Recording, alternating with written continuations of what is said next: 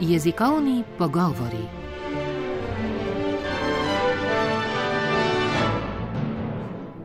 Oddaja o jeziku in jezikoslovju.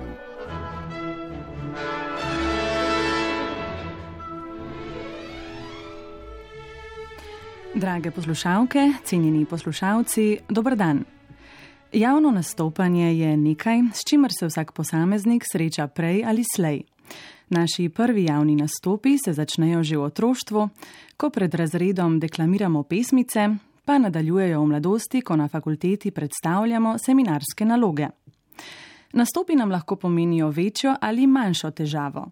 Nekaterim vzbujajo veliko nelagodja in treme, spet drugi so med nastopanjem popolnoma sproščeni. Dejstvo je, da je učinkovito javno nastopanje svoje vrstna spretnost in veščina, ki se je da naučiti. In v današnji oddaji si bomo pobliže ogledali, kaj jo pravzaprav sestavlja. V studiu pozdravljam trenerja javnega nastopanja, moderatorja in predavatelja Mateja Delacordo. Na svojih javnih nastopih največ govori o temah, kot so komunikacija, vodenje, timska zauzetost in dinamika v skupinah, organizacijah in podjetjih. Gospod Delacorda, lepo pozdravljeni. Lep pozdrav. Za začetek morda definirajva samo besedno zvezo javni nastop. Kaj vse sodi k temu izrazu? E, ko sem poslušal ovod, mi je bilo všeč, ker se lahko dam v to kategorijo javnega nastopanja, ki se ga učimo iz prakse. Jaz sem se veliko, največ naučil v nastopanju ravno prek svojih napak, preko šol, fakultet, medijev, pa manj glede formalne izobrazbe. In tudi danes bom govoril bolj praktično, recimo kako ne tako teoretsko, ampak iz prakse razumem določene stvari. Javno nastopanje je za me, ja, nastopanje pred javnostjo, kjer pa je pomembno, kaj je za nas javnost, kdo je naša javnost. Lahko je to skupina prijateljev, sošolcev, študentov, lahko to, so to poslušalci, ki naj poslušajo, lahko so to gledalci pred televizijo. Zanimivo, na nek način je občinstvo tudi kamera, pred katero se sam snemam, vem pa, da me bo nekdo gledal. Podoben občutek imam. Se pravi, javni nastop je javno nastopanje, govorjenje, ko vemo, da bo tam neka publika, ki nas bo poslušala, presojala, morda imela neke občutke, komentarje itd. Evo, tako preprosto. No, na vsak javni nastop se je treba pripraviti, oziroma se je vsaj dobro pripraviti. Nekaj je torej sama priprava pred nastopom, nekaj pa je dejanska izvedba nastopa. Kako se sami pripravljate na njega? Najbolj pomembna točka za me je vizualizacija samega sebe med javnim nastopom. Osebno si dejansko predstavljam sebe, kako stojim na odru, kaj izrečem kot prvi stavek, kako potencijalna publika reagira, in poskušam potem, poskušam, poskušam potem čim bolj naravno se počutiti v tej vlogi. In ko mi to uspe povezati, vem, da sem že bolje pripravljen. To je prva, taka, jaz bi rekel, psihološka priprava. Eh, drug nivo za me je, so glavni vsebinski podarki. Če jaz nastopam, ko nastopam, kaj so glavna sporočila, ki jih želim predati. Ponavadi so pri meni eno do tri sporočila, ki so ključna, in vem, da karkoli se zgodi na nastopu med publiko, to moram, želim dostaviti. Da se prime, da se nekdo nekaj nauči, da se to sliši. In potem na koncu, ponavadi, če gre za zahtevnejše priprave, imam en tak, uh, jaz sem besedni ritualček, uh, se pravi, ko se vozim uh, v avtu ali časih na ulici, ponavljam samo glasnike, A, E, I, O, U in odpiram široko usta, ali pa da ponavljam abecedo, kjer povežem abecedo z samoglasniki, recimo baba, bebe, bibi, bobo, bubu in caca, cece naprej to in grem čez celotno besedo in tako malce povadim no, uh, določeno izgovorjavo, ker sam pri sebi vem, da določene zloge in besedne zveze mi grejo teže od ust jezika, ene pa laže in to mi vedno pomaga, no, da sem tudi malo tehnično pripravljen. Je pa ta vsebinska in psihološka priprava za me bistvenega pomena, morda bolj kot pa govorna. Uh, sam sem zelo močen zagovornik vsebine, uh, morda celo pretirane vsebine in se z jezikom priznam, morda premalo ukvarjam, pa bi se lahko bolj. No, ko se pripravimo, lahko potem nastop tudi izvedemo. vendar pa javni nastop verjetno ni branje z lista, na katerega smo prej nekaj zapisali, ampak zahteva prosto govorjenje. Za me definitivno. Mm, se pravi, za me, ki ponavadi imam živo publiko, tudi če je to živa publika prek ekrana, preko kamer, želim, da me poslušalci, gledalci začutijo oziroma začutijo vsebino, o kateri govorim. Če jaz berem, če sem odsoten, če gledalec, poslušalec presodi, da me ni zares tam, sporočilo pride teže čez do njega. In meni je bistven ta človeški pristni moment, da sem jaz čim bolj avtentičen in čim bolj sem avtentičen, ko govorim iz sebe, brez pripomočkov. Se pravi, da besede nekako tečejo skozi mene, če tudi so drugače formulirane, kot sem pričakoval, glavno sporočilo mora iti čez mene, lahko ga prilagajam in to je ključno. Jaz bi svetoval za javne nastope, da so čim bolj avtentični, pristni in da človek to psihološko pripravo preopravi doma potem pa da to steče. Vem, da zveni kot floskula, ampak ljudje si res zapomnijo, kako se počutijo v pogovoru. Ne, kaj jih je navdihnilo, kaj so slišali, kaj so začutili skozi neke besede. In se mi to zdi, recimo, kot en glavni podarek, ki ga želim danes podariti. Prej sem govoril o tem, poskrbite, oziroma vprašajte se, kako želite, da se občinstvo počuti, ko vas posluša. In kaj lahko naredite, da to, kar boste rekli, da ima nek učinek. Pa se vam kdaj zgodi, da uh, ker niste imeli uh, opornih točk zapisanih, da ste potem dejansko katero pozabili, da ste kaj pozabili povedati? Definitivno. Uh, vse pozablja, kar naredim takrat, je bi rekel, da improviziram, se pravi, se gibam do naslednjih opornih točk, morda celo vračam potem, če se vmes uh, spomnim. Glavno je, da človek, če se zgubimo nekje, da ne paničarimo. Se pravi, sem v tem trenutku, govoril sem to, trenutno se spomnim to kot naslednjo stvar, grem tja. Oziroma, če tudi to mi ne gre, če imam občinstvo, ali se lahko z občinstvom pogovarjam. Ne, lahko vprašam, lahko se morda pošalim na svoj račun, na račun vem, občinstva in tako peljem naprej. Ključno se mi zdi, da je govorec v toku, da ohranja tok svojega namena vsebine, če tudi pozabiš en stavek, eno vsebino, hej, ni problem se bo spomnil, samo pojdi naprej. Uh, kaj pa sam jezik? Uh, kakšno vrsto jezika izbirate za svoje javne nastope? Knjižni zborni jezik, knjižni pogovorni jezik, mm. verjetno slenga, ne? Jaz sem zelo knjižno pogovorni, uh, ne, to mi gre najlažje od rok, tudi kak sleng mi uide, uh, to je pa zaradi občinstva. Recimo, včasih je to korporativno okolje, kjer so določene besede že se podrazumeva, da jih boš uporabil kot slengizem ali pa anglizem. E, recimo imamo vidka organizacija in potem bomo rekli besedo agile. E, ko imamo neke vrste posebne sestanek, bojo vsi pričakovali, da rečem town hall meeting, ne pa da ga poslovenim. Se pravi, se prilagajam občinstvu, pa tudi, evo, to zdaj priznam, ne, moja, en moj manjko, ker za zborni jezik ne, se priporoča in je fino, da veliko beremo, da smo v okolju, kjer se tako govori in posluša, nam tega manjka, vsem, tudi meni. Se trudim, ne? vem pa, da ljudje po neki strani pričakujejo čim večjo domačnost od mene in to jim poskušam dati. Še vedno želim zaščititi jezik naš, ki se mi zdi zelo lep, hkrati pa se prilagajam, zato je za mene pogovorni jezik boljše urodje, boljši kanal za občinstvo in ga kot takega zbiram. Koliko pa se zavedate uporabe mašil? Ali jih sploh uporabljate, ali vam predstavljajo težavo? Mašila so namreč zvočna prvina govora, s katero si pomagamo premostiti trenutno miselno zadrego in si podaljšujemo čas za premislek. To se tudi nam radicam rado dogaja, torej da se nam usili besedica oziroma mašilo. Um, naprimer če smo res iskreni, ne poznam človeka, ki ne bi imel mašil, tudi radici, televizici in tu nekaj normalnega. Jaz vem, da se pri meni pojavijo, ko sem preveč, bom rekel, navdušen na temo, pohitrim govor in rad uporabljam, a ne na koncu, a ne, a ne, a ne.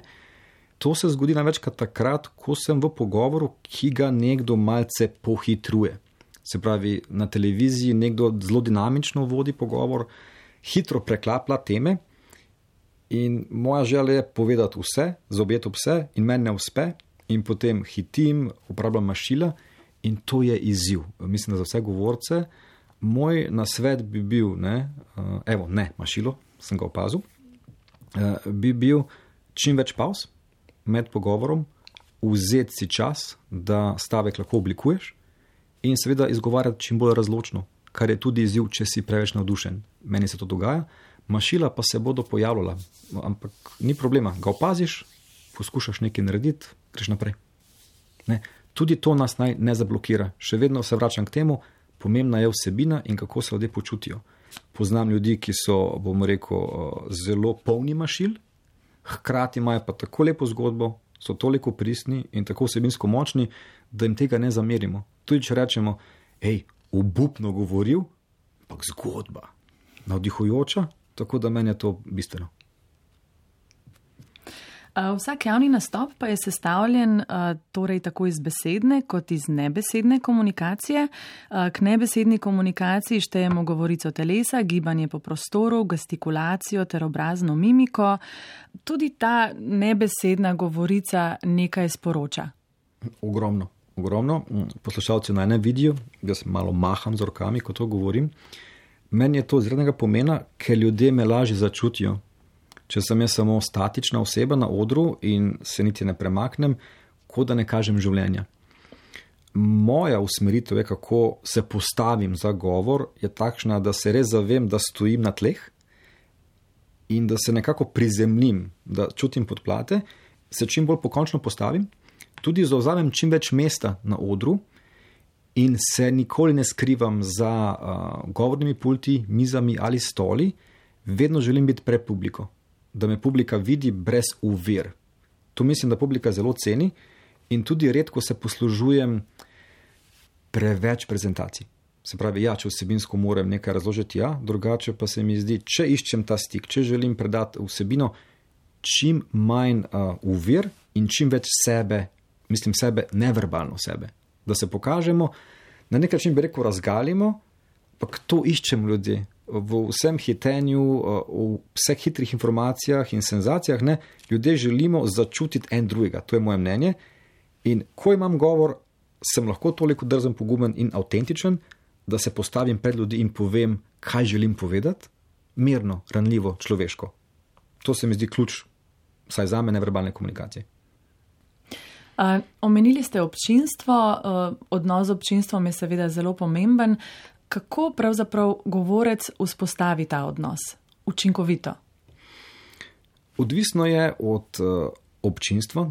Res je, da gre za nek uh, uraden, javni, praznovalni dogodek, ki je bolj uraden, tam je to težje.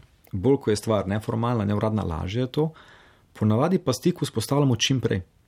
Na začetku, bodi si z nekim zelo domačim vodom, ne nujno šalo, samo da si čim bolj domač. Se pravi, uradni pozdrav je lahko, ne, poznamo to, spoštovani um, gospe in gospodje, dobrodošli na uradnem, svečanem dogodku, itd. itd. Ali pa začnete bolj sproščeno. Spoštovani, lepo vas je videti, kar čutim v dvorani, je to. Kako se počutite? Je morda bolj človeško in že nek stik navezujemo, potem pa hkrati, odvisno ali predavamo ali povezujemo, imate med govori vedno priložnost, da opazite, komentirate dogajanje v publiki. Ne, nekaj se zgodi. Morda, recimo, slišite na levi strani v publiki vem, zvok, telefon in se pošaljete. Aha, leva tribuna je pa danes glasnejša. Nezanimivo. Kaj pa desni, imate morda kakšno repliko, komentar, kaj pa danes vam zvoni? Morda, ne, sem se spomnil zdaj iz trenutka. In na tak način publiko vključuješ bolj ko je publika vključena, bolje poslušajo, več ti dajo nazaj, bolj so ustvarjajo vsebino in meni je to krasno in najbolj pomembno. Jaz res ne želim biti enostranski predavatelj, ki predava in poskuša preživeti javni nastop. Javni nastop je odnos in jaz si ga želim čim prej vzpostaviti. In jaz se večkrat, mogoče celo preveč pošalim včasih eh, na teh nastopih. Spomnim se dogodka pred kratkim, kjer sem ga povezoval kot povezovalec dogodka. In sem bil v dilemi, ali ne neko stvar pokomentiram, ali ne, ker je bila res tako zabavna. In sicer en član uprave, ne, ki je bil tudi soorganizator eh, dogodka, se je zmotil v neki, nekem podatku, oziroma je datumsko se zmotil za en mesec, ko je govoril o datumu. In jaz razmišljam, hej, res je dobra šala tole. Ne? A si drznem ne, pokomentirati kot moderator to, in je kar zletelo iz mene, in sem rečem, a ni lepo videti, kako je naš član uprave vizionarsko usmerjen, nekako vidi že prihodnost, en mesec naprej, vsi v smeh in je super, no, išlo se. Mal sem tvegal, da je bila pomembna oseba, uh, ampak takšne stvari, no, uh, da si govorec privošči na nekih govorih, tudi če ima govor vnaprej pripravljen. Morda boste opazili, kak TEDx govor, ne, ki so zelo popularni. Najboljši govori grejo tudi malce izven okvira in vključijo tudi publiko. Da publika ne se ostane, kaj komentira. In to je meni čudovito. Odnos s občinstvom. Ko govorimo o javnem nastopanju, se ne moremo izogniti tremi in stresu, ki se pojavita pri nekaterih govorcih. Trema je namreč pri nekaterih lahko tako zelo huda, da samega javnega nastopa uh, sploh ne morejo izpeljati. Um, kaj bi vi svetovali, kako si pomagati ob tremi? Eno je to, da se res predstavljamo, kako to že delamo vnaprej, meni to zelo pomaga, potem pa fokus na ključno sporočilo, ki ga želim predati. Se pravi, imam govor 5-10 minut, eno uro, kaj je ključna stvar, ki jo želim predati in kako jo bom povedal. Ko se lahko nekaj podre v govoru, pa je trema, morda nas zagrabi na začetku, lahko preprosto se samo vrnemo, kaj je ključno sporočilo. In že v vodu povemo, moj namen danes je, ali pa moja želja danes je, da govorimo o tem. Rad bi vam povedal to zgodbo, to je moj namen in ta namen je fino, je ključno, da vam res nekaj pomeni, da izhaja iz vas. Ker če je nekaj vaše, tega ne boste pozabili v govoru. Moja zgodba, v to res verjamem, moja izkušnja, to, če se karkoli zgodi, to ste vi. Težko vam nekdo to oduzame ob največjem stresu in to je tudi naše sidro. To je mogoče naše oporišče, naš temeljni kamen govora. To sem jaz, to bom povedal, kako to poveste, v redu. To je, bom rekel, ta vsebinski psihološki vidik. Potem pa druga stvar, ki jo jaz uporabljam, jaz večkrat stopim prej na oder, preden se začne govor in samo stojim čutim svoje telo, diham in gledam publiko. Ko sem imel govor v Cankarevem domu, večina govorcev pride zadnjo sekundo na oder. Jaz sem rekel sam sebi, to je dobro, da jih začutim, stopim na oder in samo gledam publiko. Gledam, oni mene gledajo, jaz njih gledam. In ko so me napovedali in so rekli, ne, ne aplauz, začnemo, sem si drznil biti tudi malo tiho. 15 sekund. In oni mene gledajo, jaz njih gledam. In so mi potem rekli po govoru, smo mislili, da si zatrokiral, da si zaustrašil, pa ne. Jaz sem želel stik vzpostaviti z vami in videti, kje smo, kje sem jaz kot govorc, in potem je res dobro steklo. Tako da, so, vsebinska priprava, kaj je ključno sporočilo, in biti čim bolj v telesu, čim bolj dihati in čutiti svoje telo. Jaz ti mu rečem, kot da stopiš v telo in da nisi samo v glavi, ko govoriš. Govoriš s telesom, ne tako, ne se pravi, z glasilkami, z glasom, ampak tudi s celim telesom. Stres, mislim, da se dogaja v glavi. Samo ta krč se zgodi, joj, groza. Pozabil sem ta stavek, kaj so rekli, kaj gledajo. Videli so to, o, groza, groza, groza, in se zaciklamo. Hej, kaj je ključno sporočilo? Kje sem, tukaj sem, v telesu sem. Vdih, povejmo naprej. In še ena stvar, ko mi čutimo tremo, nam se to čuti kot pol ure, da je tam tišina. Ponavadi, ko naredimo napako, je to sekunda, in če si tiho dve sekunde, ljudje ne bojo opazili tega. Si se zgubil, sem se našel, nadaljujem. Ne, ni, ni problema, samo mirno, mirno, mirno. Matej Delakorda, bližava se koncu najne odaje, najnega pogovora.